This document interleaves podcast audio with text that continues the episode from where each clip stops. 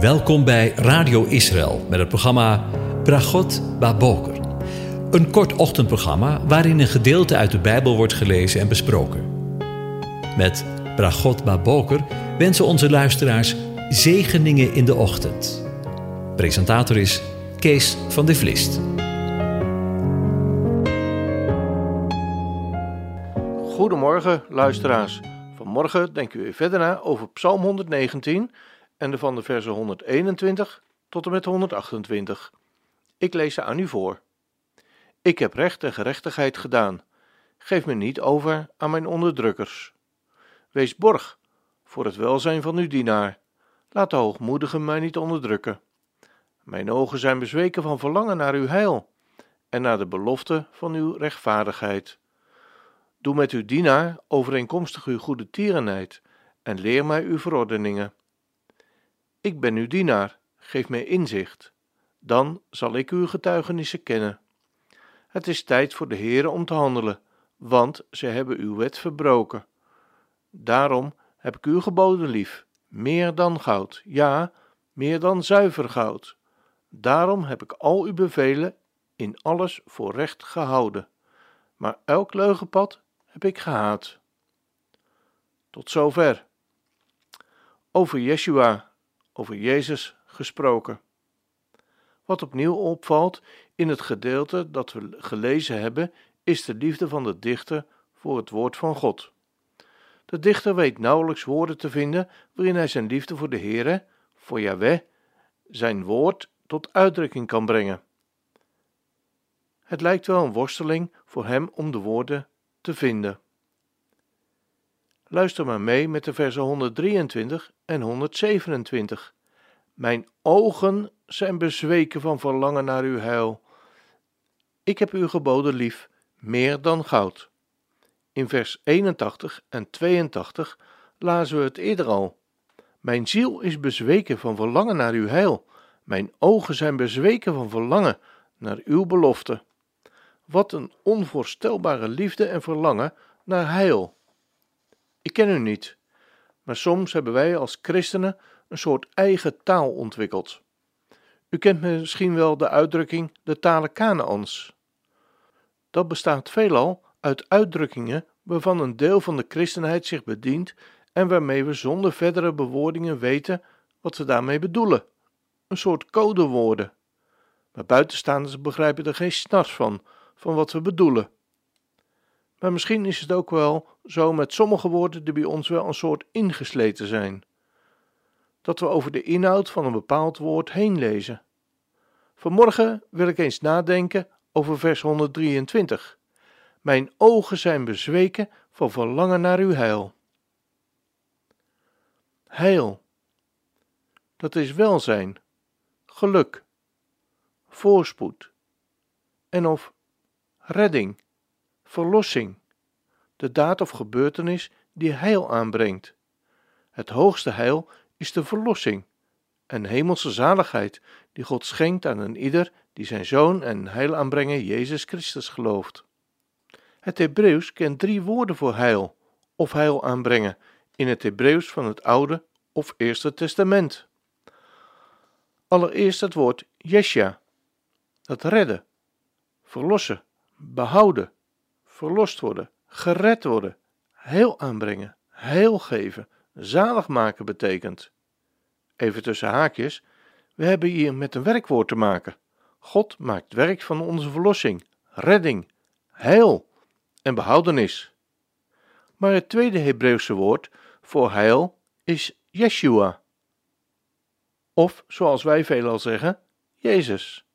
Wat is het woord van God toch onvoorstelbaar rijk? Wat een geweldige architect met een hoofdletter is hier in zijn woord toch aan het werk gezet. Hier in Psalm 119 openbaart, introduceert God op het meest onverwachte moment zijn zoon Jezus, al ver voor zijn geboorte. Eeuwen voor zijn komst wordt er al gesproken over Jezus, Yeshua. Wie stond daarbij stil toen we zojuist Psalm 119 lazen? We gaan even verder. Yeshua is een passief deelwoord van het werk Jasja. Het woord komt 78 keer in de Bijbel voor, in het Oude of Eerste Testament. Met andere woorden, 78 keer wordt in het Oude Testament de naam Yeshua al genoemd. Vind je dat niet verrassend? Jammer dat we eigenlijk zo'n verarmde vertaling hebben. Vind je ook niet? Want wij hebben het vaak vertaald met heil, verlossing, behoudenis, zaligheid, hulp, overwinning, redding, uitreddingen of geluk. En dat blijft natuurlijk staan. De eerste keer waar het woord Yeshua voorkomt, is al in Genesis 49, vers 18. Op uw zaligheid wacht ik, heren. Ja, Jacob wachtte op Yeshua. Sommige mensen twijfelen eraan of de Bijbel wel geschreven is door God. Maar wanneer ik deze dingen in het woord van God op mij in laat werken, dan besef ik ineens te meer wat een meesterwerk hier aan de dag is gelegd. Jacob, eeuwen voordat Jezus geboren werd, verwachtte Jezus al. Werd er al over hem geschreven? Zoiets kunnen wij toch niet bedenken? Hier is een geweldige architect aan het werk geweest. We gaan weer even terug. Yeshua of Jehoshua is de eigenaam die ook voorkomt in Gods naam Yahweh en het werk, werkwoord Yashia. Het werkwoord betekent Yahweh is heil of Yahweh brengt verlossing. De naam komt 218 keer voor in het Oude Testament en is vertaald met Joshua. Stel je eens voor dat wij het hier met Jehoshua of Jezus vertaald zouden hebben. Wat zouden we dan de geschiedenissen rondom het leven van Joshua met een heel andere ogen gelezen hebben? Denk je ook niet? Neem de tijd er eens voor. En je zult zien dat je ineens een heel ander Bijbeltje gaat krijgen. God ontvouwt zijn heilsplan, zijn verlossingsplan, met zijn volk Israël, al helemaal in het Eerste Testament. Ik kan er bijna niet over uit. Geweldig, toch? Wil je weten hoe het in de toekomst zal gaan? Lees over het leven van Jozua. Jezus' naam. De naam van Jezus, onze heiland, komt via het Grieks van het Hebreeuwse eigennamen. In de betekenis van zijn naam ligt zijn goddelijke zending besloten. Yahweh brengt ons heil door hem. Een engel maakte aan Jozef duidelijk wat het heil inhoudt: zijn volk verlossen van hun zonde. Het woord heil is ontstaan als zelfstandig naamwoord van het bijvoeglijk naamwoord heel, dat oorspronkelijk ongeschonden, zonder gebreken en op het lichaam toegepast gezond betekent. Vergelijk dat hele genezen is. Dit heil betekende vroeger dan ook vooral gezondheid, geluk, voorspoed. In bijbelse zin zielenheil, de zaligheid, met inbegrip van de verlossing van ons lichaam.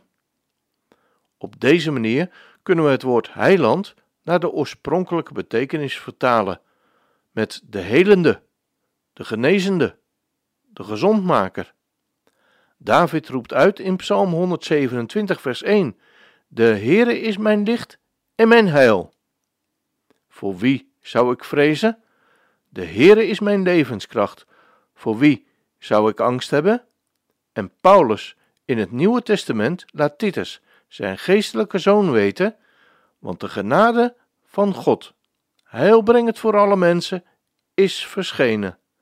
Wat een geweldige genade! Ik wens u een van God gezegende dag toe.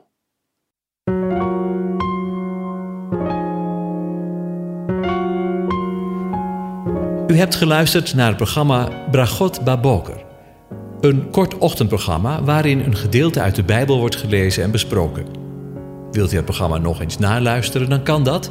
Ga naar radioisrael.nl en klik onder het kopje radio op Uitzending gemist.